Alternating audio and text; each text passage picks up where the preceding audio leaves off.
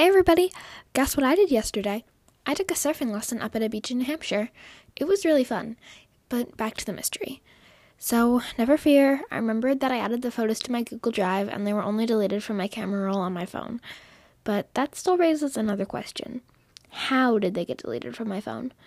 I did some research on the internet and it looks like there are ways to hack into an iPhone to delete photos. Very complicated ways. Very scary ways.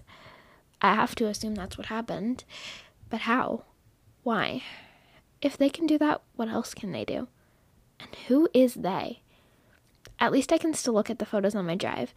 Don't worry, I know these copies are here. I'm looking at them right now. So, picture of the mask right here. It's just like the other masks, except it's the Ace of Hearts. Whoever left it here must be the fourth leader of the Aces, at least if my theory was correct but something tells me that it is. Until next time, I'm Zoe, and this is my life on lockdown.